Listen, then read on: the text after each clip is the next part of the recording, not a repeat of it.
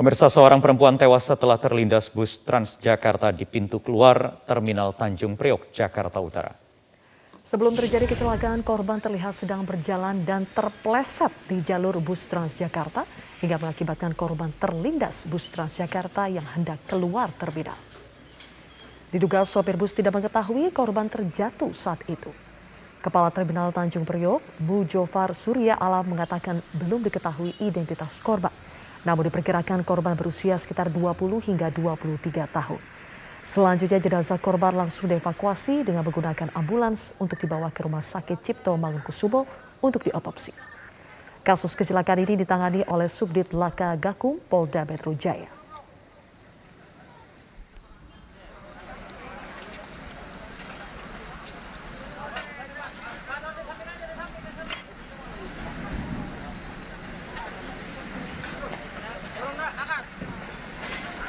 pada saat korban uh, berjalan di tepi tepi pintu keluar di situ terpleset yang mana juga dibarengi dengan kendaraan busway yang akan keluar. Namun demikian uh, kecelakaan tersebut adalah murni uh, kecelakaan tunggal yang mana kendaraan busway yang melintas itu tidak lebih dari 10 sampai 15 km per jam yang yang dikendarai oleh pengemudinya. Nelayan di perairan Belawan menemukan seekor buaya muara yang tersangkut di jaring. Buaya yang memiliki panjang hampir 2 meter ini langsung dibawa ke dermaga ujung Panjang, Bagan Deli, Sumatera Utara. Seekor buaya muara yang panjangnya hampir mencapai 2 meter tersangkut di jaring nelayan pancing cumi di kawasan perairan Belawan. Buaya yang kondisinya sudah lemas terlilit jaring ini langsung dievakuasi nelayan ke dermaga ujung Panjang, Bagan Deli dan sempat membuat heboh warga di sana. Warga setempat mengatakan buaya muara ini akhirnya mati dan dikubur oleh nelayan. Para nelayan resah karena menduga masih ada lagi sejumlah buaya muara yang berkeliaran di habitat mereka di perairan Belawan.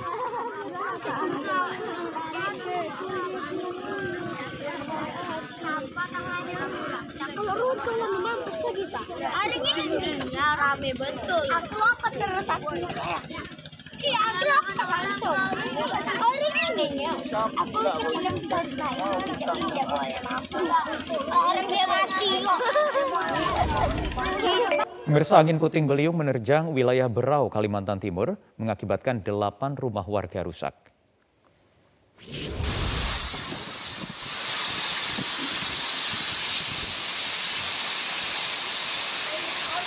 Inilah video amatir yang memperlihatkan hujan deras disertai angin kencang menerjang permukiman di Kecamatan Talisayan, Berau, Senin kemarin. Tampak suasana di pasar ikan Talisayan yang sepi dari warga karena berlindung dari terjangan angin puting beliung. Akibatnya delapan rumah warga di Kampung Bumi Jaya Talisayan rusak, diterjang angin puting beliung, dan empat unit rumah kondisinya rusak parah, serta empat unit lainnya rusak ringan.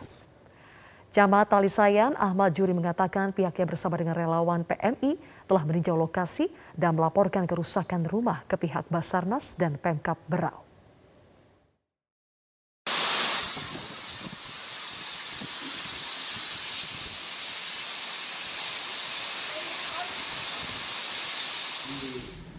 Kampung Bumi Jaya terjadi puting beliung tersebut eh, ada dua RT yang terkena puting beliung ini dan sebanyak delapan rumah yang rusak ada empat rusak eh, berat dan ada empat yang rusak ringan.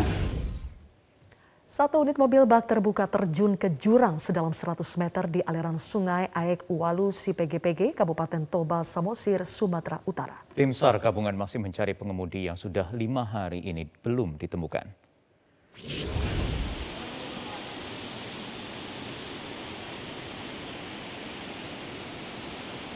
Inilah upaya pencarian korban yang dilakukan petugas Basarnas dari Posko Parapat. Petugas menyusuri tebing curam berupaya menemukan satu orang korban, yaitu pengemudi mobil bak terbuka yang terjatuh ke dalam jurang di Kecamatan Nasau, Toba, Samosir.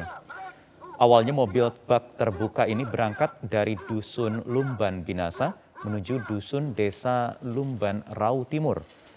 Saat melintas di jalanan yang menurun, pengemudi diduga tidak dapat mengendalikan kendaraannya hingga menabrak gundukan batu hingga akhirnya terjun ke jurang sedalam 100 meter.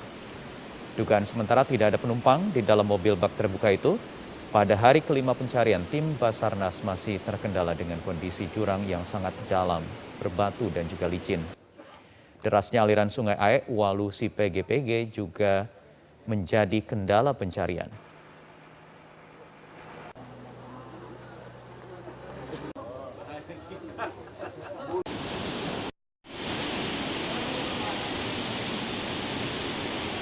Saat ini tim kita sudah melakukan lowering dan lifting untuk menjangkau sungai itu. Kurang lebih 50 meter. Namun tim kami hanya bisa menjangkau air tadi. Sampai di permukaan air aja karena derasnya sungai. Dan memang diakui adanya masih udah udah ada bukti seperti belting mesin ada. Terus ada juga pecahan-pecahan kaca. Namun sampai saat ini kita belum bisa pastikan yang di dalam area itu di daerah mana mobilnya. Pemirsa pihak istana akhirnya buka suara dan memberikan penjelasan terkait rencana pengadaan mobil baru dengan anggaran senilai 8,3 miliar rupiah. Staf khusus Mensesnek, Valdo Maldini mengungkapkan kendaraan tersebut akan digunakan untuk acara kenegaraan. Valdo menjelaskan pengadaan kendaraan ini sudah direncanakan sejak 2018. Pengadaan kendaraan juga disebut sudah melalui kajian mendalam yang disusun bersama-sama dengan Biro Umum Kementerian Sekretariat Negara serta Wakil Presiden. Selain itu proses pengadaan juga telah disepakati secara bertahap mulai 2019 sampai 2014. Lebih lanjut Valdo juga menyampaikan sejumlah kendaraan perlu peremajaan yang menegaskan soal transparansi anggaran dalam pengadaan kendaraan ini.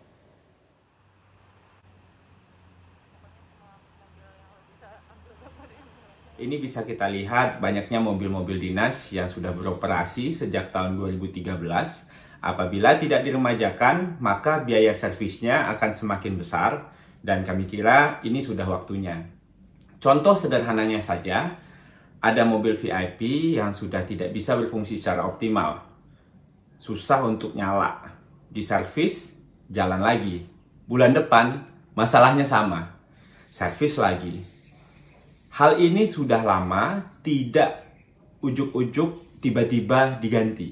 Bahkan penganggarannya pun sudah dicicil dari tahun-tahun sebelumnya. Dan kajian soal ini telah dimulai sejak tahun 2018. Kepala Staf TNI Angkatan Darat Jenderal Dudung Abdurrahman buka suara mengapa ada rekrutmen khusus santri untuk menjadi prajurit TNI. Tahun ini, Dudung rupanya meyakini bahwa ilmu seorang santri bisa meredam maraknya radikalisme yang berkembang. Sejak dilantik sebagai Kepala Staf TNI Angkatan Darat, Jenderal TNI Dudung Abdurrahman selalu memberi perhatian khusus pada pencegahan paham radikal. Hal itu penting menurut Dudung karena berdasarkan hasil rapat pimpinan di Kementerian Pertahanan pada pertengahan Januari lalu, didapatkan informasi bahwa penyebaran paham radikal di Indonesia telah menyebar luas ke seluruh kalangan. Misalnya ke kalangan pendidikan, Menurut Dudung, 23 persen dari total masyarakat yang terradikalisasi adalah mahasiswa. Sebagian di antaranya sudah tidak mengakui Pancasila sebagai dasar negara. Itu sekitar 23 persen itu di mahasiswa. Dan ada beberapa persen yang sudah tidak mengakui Pancasila. Dan hasil analisa intelijen saya melaporkan bahwa memang ada beberapa wilayah-wilayah yang kita waspadai sudah terpapar radikalisme. Salah satu jurus yang digunakan Dudung untuk meredam penyebaran radikal adalah merekrut santri untuk menjadi prajurit TNI. Dudung menyebut, seorang santri bisa mengajarkan ilmu agama yang baik kepada masyarakat maupun TNI, serta mengajarkan agar cinta tanah air. Nah, Makanya saya kan sekarang mengadakan rekrut santri untuk prajurit. Kenapa? Minimal kalau lulusan santri itu akhlaknya dia terjaga. Akhlaknya dia terjaga. Sudah jelas akidahnya sudah pasti. Kemudian syariatnya sudah jelas. Tinggal akhlaknya. akhlaknya sudah terjaga, orang ini orang pasti baik. Sehingga nanti mereka akan bisa masuk Kendati demikian, apa yang menjadi niat Dudung itu tetap pada koridor tugas pokok dan fungsi militer, serta tidak menyebabkan tumpang tindih dengan lembaga lain yang bertanggung jawab atas pencegahan dan penyebaran paham radikal. Rekrut Santi, ada strategi lain yang akan dilakukan oleh Kepala Staf TNI Angkatan Darat Jenderal Dudung Abdurrahman untuk menangkal radikalisme, yakni dengan melibatkan prajurit TNI untuk mengajarkan masyarakat cinta tanah air. Seberapa efektifkah jurus tersebut untuk menangkal penyebaran paham radikal? Bagaimana menjamin agar upaya tersebut tidak tumpang tindih dengan lembaga lain yang punya tanggung jawab untuk mencegah penyebaran paham radikal? Saya akan mengulasnya bersama dengan Deputi 7 Badan Intelijen Negara BIN, Wawan Purwanto, dan Direktur Eksekutif Jaringan Moderat Indonesia Islah Bahri direkrut jadi anggota TNI. Apa ia bisa membantu menangkal penyebaran radikalisme?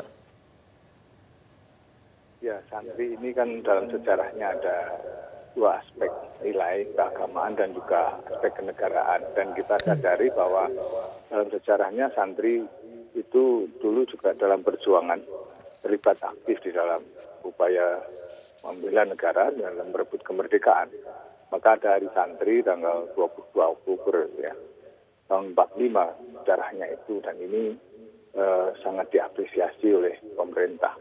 Oleh karenanya eh, santri di dalam eh, keterlibatan masalah bela negara bukan hal yang baru, tapi sesuatu yang memang sudah uh, terjadi dari sejak awal kemerdekaan. Oleh karenanya, kalau keinginan uh, merekrut uh, santri-santri di jajaran prajurit ini juga uh, sesuatu yang uh, bukan hal yang baru juga karena banyak kawan-kawan saya yang Oke. backgroundnya santri juga uh, menjadi prajurit dan sekarang berkawan dengan saya.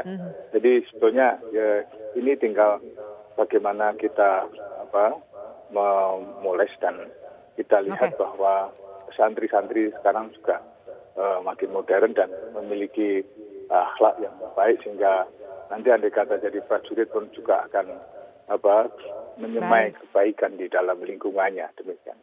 Oke, Pak Islah, kalau kata Pak Wawan tadi, keberadaan santri dalam lingkungan prajurit TNI itu bukan hal yang baru. Kalau begitu, apakah Anda melihat masih efektif, masih cukup kontributifkah kalau ada santri yang akhirnya menjadi prajurit TNI untuk bisa membantu menangkal radikalisme? Em, menurut saya begini ya, kita tidak boleh terpaku terhadap status santrinya. Sepanjang santrinya ini punya punya pemahaman eh, agama secara moderat, dia punya kecintaan terhadap bangsa, hubul waton minal iman, ini jelas secara umum santri memang seperti itu. Tapi jangan salah, santri kita hari ini juga berkenalan dengan radikalisme meskipun dalam sebatas orientasi politik. Orang-orang ini mohon maaf, orang-orang yang selama ini kadang-kadang menyerang pemerintah dan yang menyerang Pak Dudung juga itu sebenarnya juga bagian dari santri. Artinya santrinya santri apa dulu? Santri ini kan sama dengan Taliban. Taliban itu artinya santri. Tapi ketika dia sudah sudah tidak sudah tidak punya rasa cinta terhadap sistem negaranya, dia tidak tidak lagi punya rasa rasa taklim, rasa rasa tunduk kepada pemerintahan dan sebagainya, dan dia terpengaruh oleh orientasi-orientasi politik, politisasi agama dan sebagainya, sekuat apa pun santri, ini akan berbahaya juga. Artinya kita juga harus melihat santrinya bukan dalam konteks secara umum, kita juga harus perhatikan secara khusus. Ada juga santri yang sudah terpapar. Dan ini mungkin kalau santri dalam konteks definisi secara umum, iya, saya setuju sekali kalau TNI ingin merekrut itu, termasuk Polri, karena memang radikalisme ini sudah masuk ke ranah-ranah TNI dan Polri juga. Nah, Oke. TNI dalam hal ini yang terpapar kan rata-rata orang yang baru mengenal agama, lalu dia meyakini satu ajaran ini adalah kebenaran mutlak tanpa ada dasar yang kuat dari awal. Nah, santri ini adalah bagian dari itu. Hmm, Oke, kalau begitu ada kekhawatiran seperti itu, Pak Wawan. Berarti kita kan harus melihat kualitas dari santrinya, karena radikalisme itu sudah eh, menulari banyak kalangan. Tidak hanya di TNI, santri pun ada. Kalau begitu bagaimana supaya nanti ketika rekrutmen dilakukan, betul-betul kualitas santri yang betul-betul tahu agama, kemudian benar-benar bisa mengajarkan cinta tanah air, Pancasila kepada masyarakat itulah yang terjadi, bukan yang sudah terpapar radikalisme. Ya, rekrutan di dalam tubuh uh, TNI kan juga berjenjang, kemudian juga dengan sistem seleksi yang sesuai standar operasional prosedur. Di sana juga ada tes untuk mental ideologi, ada psikotes, ada uh, tes kesehatan maupun kesehatan jiwa, ada wawancara, kemudian juga ada tes kesamaptaan, serta juga ada pantukir. Di situ nanti akan tampak bagaimana mental ideologinya yang uh, tertera di dalam dirinya, kan nilai-nilainya juga akan kelihatan jelas.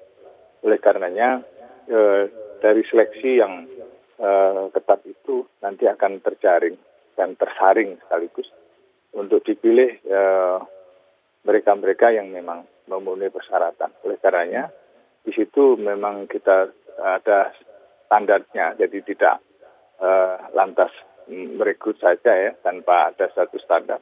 Dan ini tentu melalui seleksi dengan sistem gugur yang kalau misalnya dia gugur pada tes yang kesekian juga akan tersaring di situ.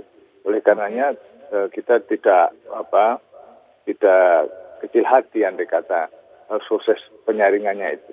Dan kita tahu bahwa kita tentu akan mencari yang terbaik dan Baik. di sanalah memang pengabdian uh, dan mental kejuangan serta juga nasionalisme dan ras memiliki bangsa ini akan terbentuk apalagi nanti ada proses pembentukan ya uh, perwira ataupun bintara ataupun tamtama di sana. Dari sana nanti akan makin terpoles hingga dia makin terpola menjadi seorang prajurit yang andal dan tetap nasionalis serta memiliki integritas kecintaan tanah air yang ya tidak perlu diragukan proses okay. itu dan inilah menjadi tanggung jawab kita bersama begitu.